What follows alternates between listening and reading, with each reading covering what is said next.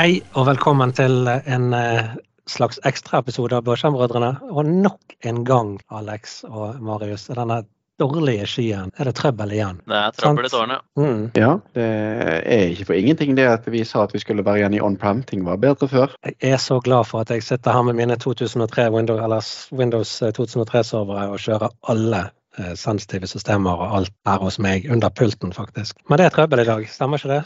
Jo da, det stemmer det. Så i dag er det Microsoft sin tur til å ha Ja, jeg tror vel det var routing-problematikk i vanet sitt. Så må man se på status.ashore.com, så ser dere sånne fine, fine utropstegn eh, bortover alle datasentre. Så det er flott. Mm. Det var så dårlig stemning der at, eh, at feilmeldingen var på tysk et øyeblikk. Så jeg vet ikke hva som skjedde der. Jeg eh, må jo si det at jeg har mistanke om at det er 10.001 som mister jobben i Microsoft i nær framtid. Ja. Ja, ikke sant?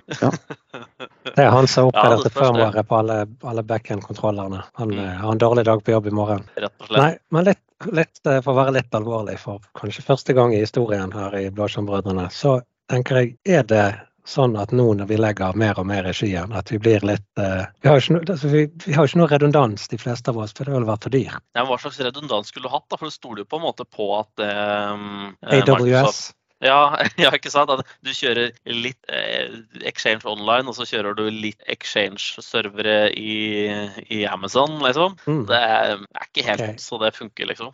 Google Cloud, da. Det var bra. Ja, Men dette er et altså- problem.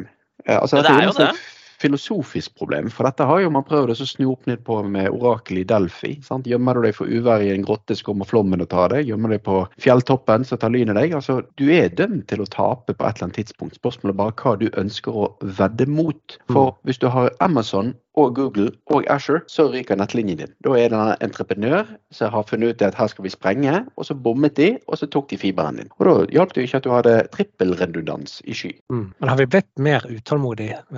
For at før i tiden, det husker dere kanskje, så var det jo gjerne sånn at å nei, nå gikk den serveren ned. Sånn. Så gikk folk ut og tok seg en kopp kaffe og ventet på at den skulle komme opp igjen. Men har vi, har vi endret oss litt? Har, har vår måte å se dette på endret seg?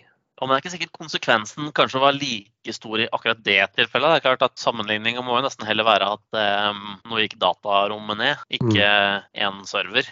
Ikke sant? At, um, sånn som nå, hvor Microsoft 365 overall er ustabilt i det tilfellet her. Nå var det jo litt sånn opp og ned.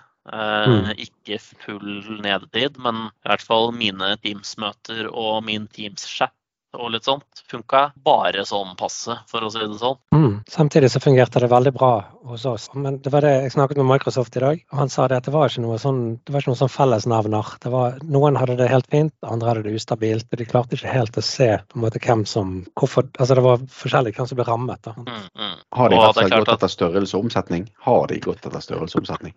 Ja, nei, det var nok ganske så tilfeldig, var vel det jeg opplevde. Mm. Og helt sikkert en del tjenester som var mer påvirka enn en andre. Men, men det var jo en liten eh, bit inni her som eh, kan være positivt. For at eh, det som vi så da, eller i etterkant nå kan se, det er jo det at de, de fant ut problemet, og pga. at de da bruker en, en DevOps-metodikk, så gjorde det at de kunne rulle det ganske greit tilbake igjen. Eh, motsatt hvis, hvis dette her hadde vært en manuell konfigurering av alle Cisco-switchene som Alexander har i, i huset sitt for å få firmaet opp og gå, Så måtte han gått inn på disse her, og så måtte han feilsøkt dem og så må han finne ut hva som feil, og så måtte han rekonfigurert dem og sette dem tilbake igjen. Eh, Her var det snakk om at det var en nedetid Eller problemet var eh, startet klokken 8.33, eh, og så var det løst 10.45 sånn roughly, men så er det litt sånn etterdønninger. Eh, Og det er ganske kort nedetid kontra det vi hadde før hvis eh, noe gikk ned hos oss hvor vi skulle feilsøke og få det opp og gå. Så, så eh, vi kan ta diskusjonen som Alexander hadde, var hvis eh, ditt og datt. Sant? Og så, hvis nettverkslinjene går ut, så vil jo tjenestene dine være tilgjengelig for resten av internett. Så det er ikke så stor eh, fare. Hvis datasentrene til eh, skyen din går ned, så vil faktisk ikke tjenesten være tilgjengelig engang. Så forskjellen er om du er avskåret til verden, eller verden er avskåret for deg, er jo også en ganske viktig eh, poeng i diskusjonen om å ha det on-prem eller i skyen. Da. Ja, absolutt. Jeg tenker Mm. kanskje i utgangspunktet at, um, at diskusjonen er jo egentlig ikke skal vi ha en on-prem, på en måte. Um, jeg tror ikke det er så veldig mange som etablerer nye exchange-servere for tida. Det er jo selvsagt noen, men uh, forhold på. Men det er jo liksom Skal du Hvor mye er det du skal tenke på det her i, i den situasjonen hvor du, du, Altså folk prater om multicloud og forskjellige sånne ting, ikke sant. Um, er det du bør ta inn i tankene dine? da, At jo da, um, fint å ha alt i Asher og på én regning fra Microsoft og, og samme forvaltning, men er det bedre at to av tre av våre tjenester er tilgjengelig samtidig, og heller ta den kosten med å ha kompetanse både på GCP og AVAS og Asher? Eller mm. altså, hvordan skal man tenke i verden her? Eller, eller, bør man tenke sånn at vet du hva, vi går Microsoft-veien, vi har kjørt ut alt i Asher, vi har alt i Microsoft 365. Vi eh, sto, på en måte stoler nok på at Microsoft har eh, ting på stell da, til at ja, det skjer innimellom sånne her type ting, men mm. det, er, det, er, på en måte en risiko vi er villige til å ta. da. Ja, så tenker jeg at det er et kostnadsspørsmål. For Absolutt. Med nok penger, kaster du nok penger på dette, her, så klarer du å finne en løsning som gjør at du har 100% oppetid, mer eller mindre. Men folk er ikke villige til det. Sånn eller ikke bare er ikke de villige, men de kan ikke det. Jeg tenker det at vi, vi har, som du sier, kanskje gått all in med Microsoft. Og da må vi gjerne akseptere at de har en SLA som ikke er 100 han er gjerne 99,9. Så, mm. litt nedetid en gang iblant er jo Ville du kanskje hatt uansett hvilket system du hadde on-prem òg, men mm. som du sier, det blir kanskje ekstra merkbart når du jobber bare mot skien. Ja, og så er det på en måte kanskje litt sånn sjølforsterkende opplevelsen av nedetid i skya. For, sånn som nå, så når, når du leser sjøl på nrk.no at Microsoft har problemer. Altså Hvis du hadde noe eh, eget datasenter da, og, og, ting var nede, så er det ikke sikkert det hadde vært like mye prat om det liksom, på samme måten, hvis du skjønner hva jeg mener. Selv om nedtid kanskje er like mye. Børges burger og pølsesjappe har uh, hatt serverproblemer i dag. Kommer gjerne ikke på forsiden av NRK. Nei, ikke sant. Mm. Nei, men ikke sant, Hvis du er ganske stor også, da. da ja, du jobber jo for en ganske stor arbeidsgiver om det også er ikke nødvendigvis på forsida av, eh, av, NRK. ikke sant? Om det datasenteret deres er utilgjengelig. Ja, ikke sant? Jo, jo, men, eh, men hadde hele, hadde hele Storebrand vært nede Det er jo litt forskjell det hvis hele Storebrand er nede, eller noen av tjenestene til Storebrand er nede. For her snakker vi mye om, om, at Microsoft totalt sett var nede. Vi snakket om at det var områder som hadde problemer eh, av tjenestetilbydere. Så, så, det er liksom eh, De får det til å virke sånn totalt crushende ned det, men, men eh, ja, mange ble litt av dette her. Eh, og, og sånn som jeg så kommentarer på Twitter, det var liksom eh, finn fram Notepad og begynne å dokumentere. Altså, bruk nedetiden til å gjøre det du aldri får tid til ellers. Eh, sant? Mens tjeneste kjørte jo stort sett for veldig mange. Altså, vi fikk ikke noe brudd i tjeneste. Vi fikk kanskje brudd i noen publiseringer av ting, men vi fikk ikke noe, ikke noe brudd i tjeneste. Så det er litt sånn opp og ned hva som var nede, hvor påvirkende det var. da. Eh, og så hadde jeg bare en kommentar til det du sa med, med multicloud, eh, Marius.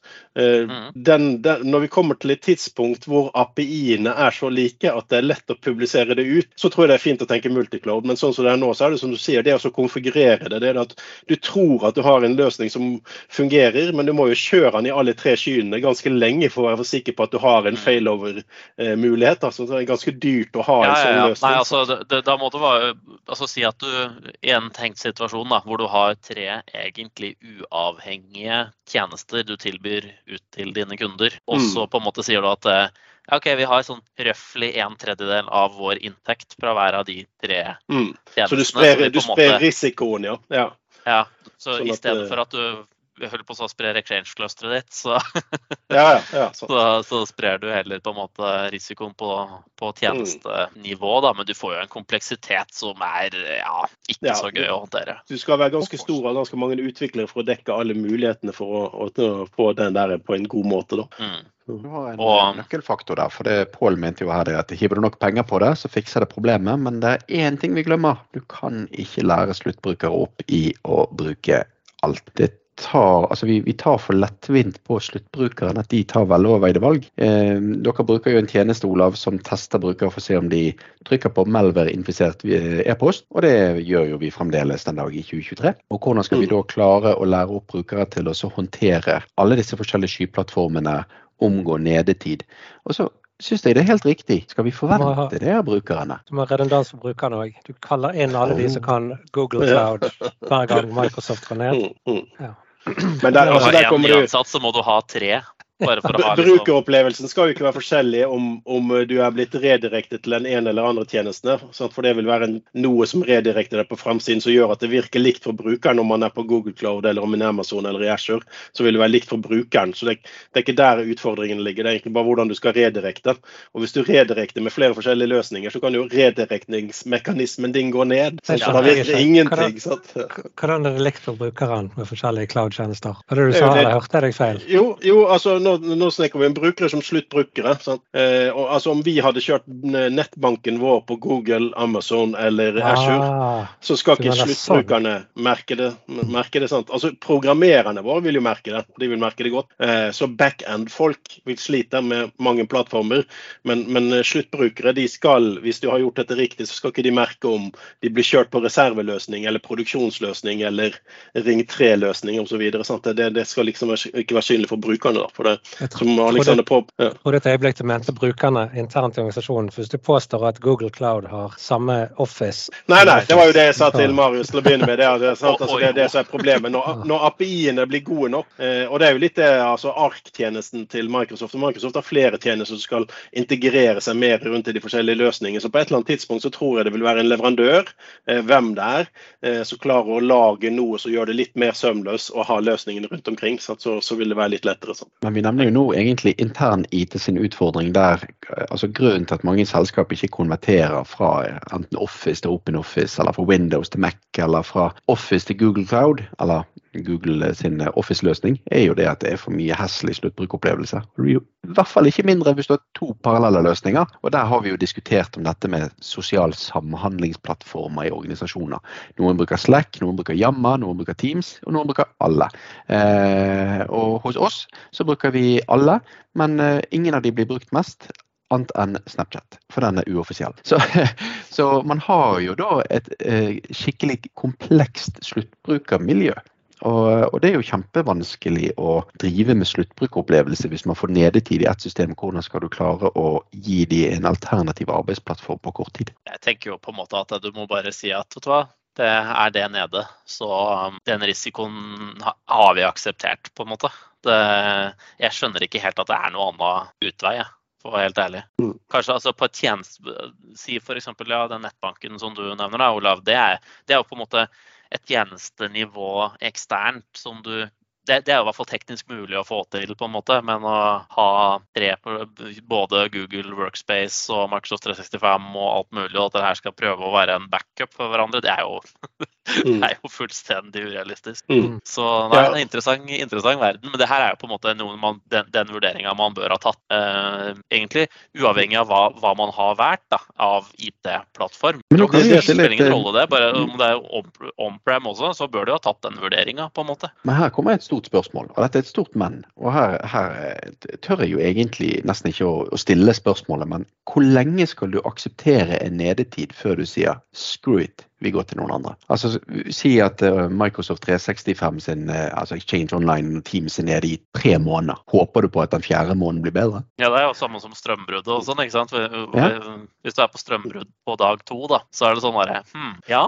skal jeg nå spise opp maten min, eller skal jeg begynne å rasjonere? Eller skal jeg begynne å Hvordan forholder jeg meg til Jeg har litt begrensa med ved. Skal jeg fyre nå? Skal jeg prøve å spare litt? Altså, det, det er sånn samfunn, da, ikke Der, der kommer du inn på det jeg tror som kanskje er en liten nøkkelfaktor her. Der. Eh, hvor mange bedrifter har en disaster recovery-plan som inkluderer så enkle ting om hva skal vi gjøre hvis tingene er nede en dag? Eh, altså hvis det, hele utviklingsmiljøet ditt ikke får gjort jobben sin, eh, og du har 100-150 utviklere, eh, så er det jo ganske litt kjipt hvis de bare sitter på rumpen og ikke gjør noe. Mm. Eh, sant? Og Det samme gjelder helt normale ting, som om det skal være mail eller andre ting. Liksom, eh, vi må ha en rutine som sier at hvis mail og kommunikasjonen vår ikke fungerer, hvis internett ikke fungerer, hva gjør vi for å få det til å fungere? Sånn basis så har jo veldig mange løsninger med at vi slår på mobiltelefonen, deler internett og får PC-en opp og gå. Sant? Så da har de en rutine her, og den er ganske innarbeidet i veldig mange folk. Men jeg tror ikke så mange organisasjoner har vært flinke nok til å tenke ut hva skal vi gjøre hvis primærtjenestene våre går ned. Da. Så den disaster recovery-planen som alle egentlig skal ha, og veldig få har, eh, og enda færre har faktisk lest og gått gjennom og drillet på den, sånn at de faktisk vet hva som skjer hvis,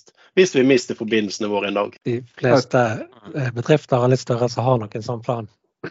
Men det poenget, andre poenget du har der, hvor mange trener på det regelmessig og jevnlig. Det tror jeg er et antall. Mm. Mm. Så der, er derfor veldig skal jeg inn, i, inn til Sparebanken en dag i neste uke, og så skal jeg eh, sabotere Dra nettverkskortene Dra alle ut alle nettverkskabler du finner. Mm.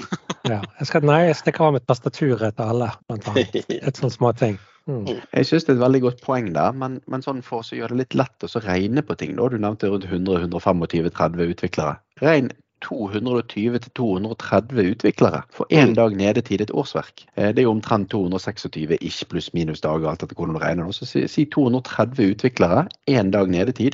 Det er ett årsverk. Og da er jo det bare å ta gjennomsnittslønnen til den gjengen. da. Eh, Og det er jo en utrolig mye mer interessant. Og én dag nedetid, så får du alltid gjort det du ellers skulle gjort. sant? Du får tid til å snakke med kollegaer, du får tid til å spørre hvordan det går med ungene til Pål. Den type ting. Man får en bonding, man får gjort andre ting. Hva gjør du dag nummer tre? Hva gjør du dag nummer syv? Og det er helt greit, det er krise. altså Det er jo avisoverskrifter alle veier hvis Microsoft er nede en uke. Men det er jo ikke utenkelig at, eh, at sånn som for eksempel eh, Du har jo enkelte applikasjoner. Garmin hadde jo en liten nedetid på, i forbindelse med hackangrep rundt smartklokkene sine. Eh, PlayStation hadde jo en hel dag i forbindelse med leap year-buggen sin.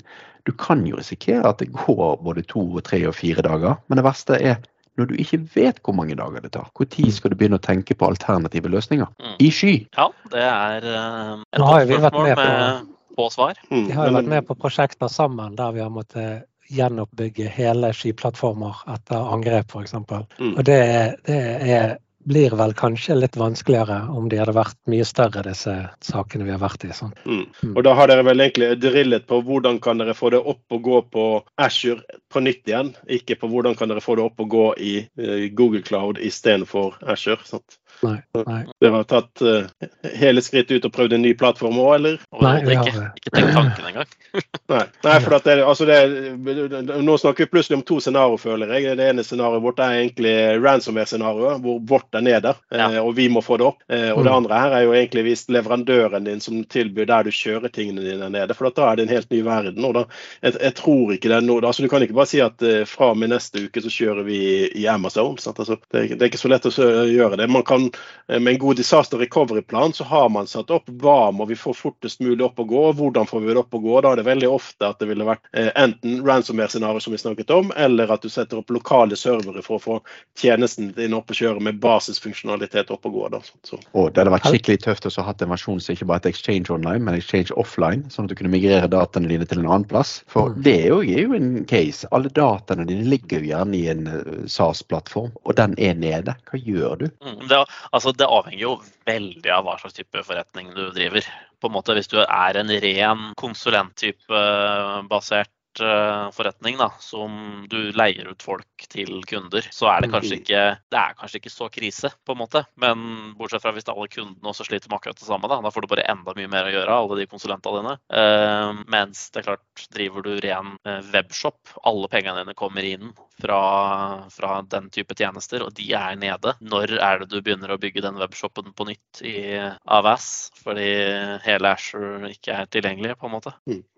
Det er jo to Ja. veldig forskjellige scenarioer, det også. Så det er mye, mye å tenke på her. Ja, det er jo det. Og jeg tenker jo at det er ikke lenger, som, som noen av dere sa tidligere, det er ikke lenger et alternativ å tenke at skal vi flytte tilbake fra skyen og så etablere oss on premise igjen. Det er ingen, det er ingen, jeg tror aldri har hørt om noen som har gjort den. Jeg har hørt om noen noen som har gjort det i forbindelse med Schrems. Og bare okay. sånn ja, spola tilbake noen migreringer og greier. Og det Ja, men helt fra altså alt on premise igjen. Da har du misforstått Trams 2, tror jeg. Det er jo det jeg også mener at du har gjort, men jeg har fortsatt hørt noen som har gjort den operasjonen, ja. Det er en ganske vesentlig aktør i norsk Eller for en ny, næringsliv. ny versjon av Privacy Shield nå, forresten. Bare sånn apropos, med tanke på Mm. Schrems 2. Ja. Mm. ja. Nei, så det er interessant. Vi, ja, nå, det var positiv tone. Men jeg, jeg, har fremdeles, eh, jeg har fremdeles mitt argument at jeg mener at noe risiko må vi akseptere. Og Hva da- er egentlig nedetiden på det du hadde i gamle dager kontra det du har i skyen i dag? Det er egentlig det det vi må tenke på. Jeg tror faktisk vi vil fort finne ut at selv med det bruddet som akkurat var på Azure nå det siste, hvis vi tenker da på SLA-ene da, så tror jeg vi, vi hadde mer problemer når vi patchet opp Exchange-serveren med den nye cumulative updaten, eh, og det gikk gale, eller når du fikk en ny switch osv. osv. Og så, jeg tror eh, all over enn så lenge, så tror jeg vi faktisk kan si at eh, vi har hatt atskillig bedre oppetid nå enn det vi har vært vant til, egentlig. Men vi bare merker det så tydelig. for det. Desto bedre det virker, desto mer merker du når det går ned. Sier du at Blåskjermbrødrene er pro ski? Dette er nytt for meg. Aldri, det har jeg ikke trodd. Ja, altså Hvis du må gå bort fra eh, 2003-server, altså hvis du må på nyere hardware enn det, så er det like greit å gå til skyen. Men hvis du kan klare det med 2003-server, så, så er det ikke så mye å si. Ja. Ja, Det er kanskje ikke så mye support å få på den lenger. Jeg vet ikke. Mm. Tror du skal betale dyrt. Ja, da tror jeg du skal betale dyrt. Mm. Det er nok noen som gjør det fortsatt, tenker jeg. Ja, Windows 2012, nei, ja, 2012 R2-server. Den har fremdeles support, tror jeg, fram til 1.10, mener jeg har hørt. Så de, har- det henger fremdeles i. Sitter en eller annen koder i Microsoft og tjener gode penger på å holde Er, oppdatert. det, det tror jeg faktisk er 32-bits-versjonen pga. at det er den siste 32-bits-versjonen. så Derfor har den blitt forlenget. Men jeg tror ikke 64-bits-versjonen er forlenget. Jeg skal ikke si det sikkert, men jeg tror jeg mener at diskusjonen var det at det var fortsatt noen som har behov for å kjøre rene 32-bits OS-er hvis de ikke vil ikke tingene deres virke. og Derfor har de extended supporten litt lengre på, på eh, 712 R2. da. Kanskje du skal ikke høre med ChatGPT. Kommer dere inn der om dagen? Jeg kommer ikke inn, jeg. Nei, Nå er det sånn her eh, Kanskje den er driftet på en skytjeneste? Ja, et eller annet sånt. Nei, nå er det bare sånn vi har for mye å drive med. Du må komme tilbake til en annen gang. Ja, den har vært, vært lenge nå, så jeg har ikke fått lekt så mye med det. Så, ja. faktisk både 2012 og 2012 R2. Det står ingenting om eh, 32 eller 64-bit. mm, men eh, R2 var den første 64-biten. Så, så, Mm. ja, Men eh, reaching end of support. Mm. Det begynner å bli lenge siden dette, gutter. ja, ikke sant? Mm. Jeg vil nå tippe at de på den, de plattformene der har ganske mye større sjanse for nedetid enn det vi ellers har. Ja, det med er jo sikkert på- de som eh, ivaretar disse stakkars servere. De sitter jo sikkert der og er glad hver dag de, for å ikke måtte lære seg noe nytt eller et eller annet. Jeg vet ikke. Ja, nei, jeg- husker en leverandør her som produserte noe greier som var avhengig av NT4-servere. Eh, og det var ekstremt dyrt å oppgradere til nyere versjon, så, så de hadde i lang tid hvor de speidet bruktmarkedet etter noen Compact-servere eh, som kunne kjøre NT4, og kjøpte inn alle som kom ut, sånn at de hadde når tingene gikk ned. Så, så det, det viste at ingen nyere hardware enn det som er 15-20 år gammelt, kunne kjøre dette. Så de måtte ha hardware nok liggende på lager til å eh, være sikker på at de hadde produksjon. Da. Så. Kjempestrategi. Tror du vi kommer dit hen at, eh, at det ikke går an å kjøpe on-premise-versjoner av softwaren etter hvert? Kommer vi til å komme der noen gang? Ja, hva, altså, vi er jo der på ganske mye, da. Men, men tenker du nå Microsoft sine ting? Ja, eksempel. Du kan Ja, fremdeles det er- kjøpe en eh, Exchange-server, en Windows-server og Ja, ja. Men det Får ikke Teams, da? Nei, ikke sant? Nei, det er sant. Å, det hadde vært tøft. Teams for business 2016. Åh. Hvor mange flopper hadde den kommet på? Åh. Ja. Ja, Nei, altså, det- Teams er et helt perfekt eksempel. Hva, hva er siste installerte versjon? Det er vel Skype for Business-server, det? Mm. Mm. Eller noe? Men, men, men Exchange hadde jo sikkert vært borte. Hadde de bare klart å finne ut en måte hvordan du kan editere attributtene på Exchange-brukerne dine uten å ha en Exchange-server på en eh, effektiv måte. For du jo, Har du vært i en hybrid Exchange-løsning, så klarer du faktisk ikke å komme deg ut av denne hybride enda på en vakker måte, i hvert fall. Du må lage noen interfacer eh, for din egen del. It's a messy breakup. Mm. Men så er det jo det. Folk sitter jo på Exchange fra Nederland og hybrider som er vanskelig å bryte fordi at de har en CRM eller et eller annet som liggende i systemet sitt som de ikke klarer å kvitte seg med. Så du har noen sånne her, eh, anker rundt omkring. Så det er ikke, jeg tror ikke det er helt med det aller første at du ikke får lov til å kjøpe en Exchange-server eller en Windows-server. Men eh, en dag så er det vel kanskje bare cloud. Ja, altså eh, Hva er siste Exchange-server? Er det 2022 som er den siste? Å, det spør du Er det nå? Ja. Det vil, det. vil jo alltid være systemer som har behov for å kunne gå i lukkede miljøer. Sant? Så Det er jo det som er problemet. Det er veldig vanskelig å lage et lukket, lukket system i en sky. Sant? I hvert fall hvis det må kommunisere med noe lokalt, sant? sånn som det veldig ofte blir brukt til. Men eh, hva, hva vil det ha å si med prisen, da? hvis det plutselig blir sånn at det blir solgt eh, 10 000 lisenser til Windows-servere worldwide? Eh, så Mm. kan du tenke at vi går tilbake til hvordan det var når operativsystemene kostet sånn type 100 000 kroner for å få et operativsystem. Så. Mm, ja. Og så har du jo Google, eksempel, som har livnært seg godt og lenge med bare cloud. Sant? Så de Mm, har jo, hvor mange Google-server har du kjøpt, Olav? Nei, én, to, tre. Ja, kjøpt, kjøpte, kjøpte dem eh, brukt på Pirate Bay. ja riktig. Det er altså en solid eh, selgemetode. Jep.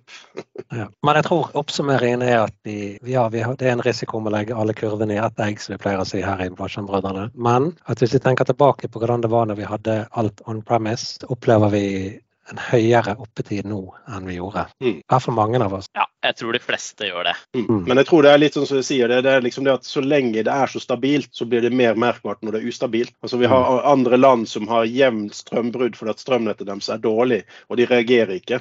Men, men, i Norge så er det jo avisoverskrifter hvis strømmen forsvinner et eller annet sted, i en eller annen hytte på landet, er strømmen borte, så, så vil det nesten stå, stå i alle nyhetssendinger. Sant? På, på grunn av at vi er så vant til at vi har det stabilt og godt. Mm.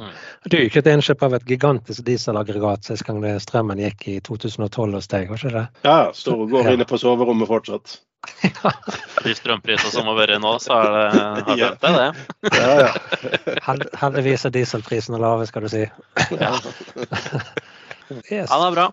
Mm. Så da har vi hatt litt trøbbel med Microsoft, Microsoft 365 og, og Azure Networking i dag, men uh, stort sett så har vi høy stabilitet. Er vi enige om det? Ja, det høres ut som en god konklusjon. Ja. Nei, jeg er uenig. Ja, ja. And on that note Mm. Skal vi ta stemme over om vi syns at Aleksander er enig eller uenig? Ja, jeg tror Aleksander er enig. Jeg òg tror han er enig. Det, ja. ja. det blir tre mot én, Aleksander, så du er dessverre enig. Det er enig. Her. Ja. Jeg er enig. Her er demokrati. dette, minner, dette minner meg om to ulver og en sau som bestemmer over hva de skal til middag, altså. Mm. du føler deg som en sau? Ingen videre kommentar. For da gikk vi rett rett til den diskusjonen. Ja. Men da tar vi og avrunder, sånn at vi kan gjøre oss klar til en god eh, lammesteik. da. Mm. OK, takk for nå. Ha det fint, folkens.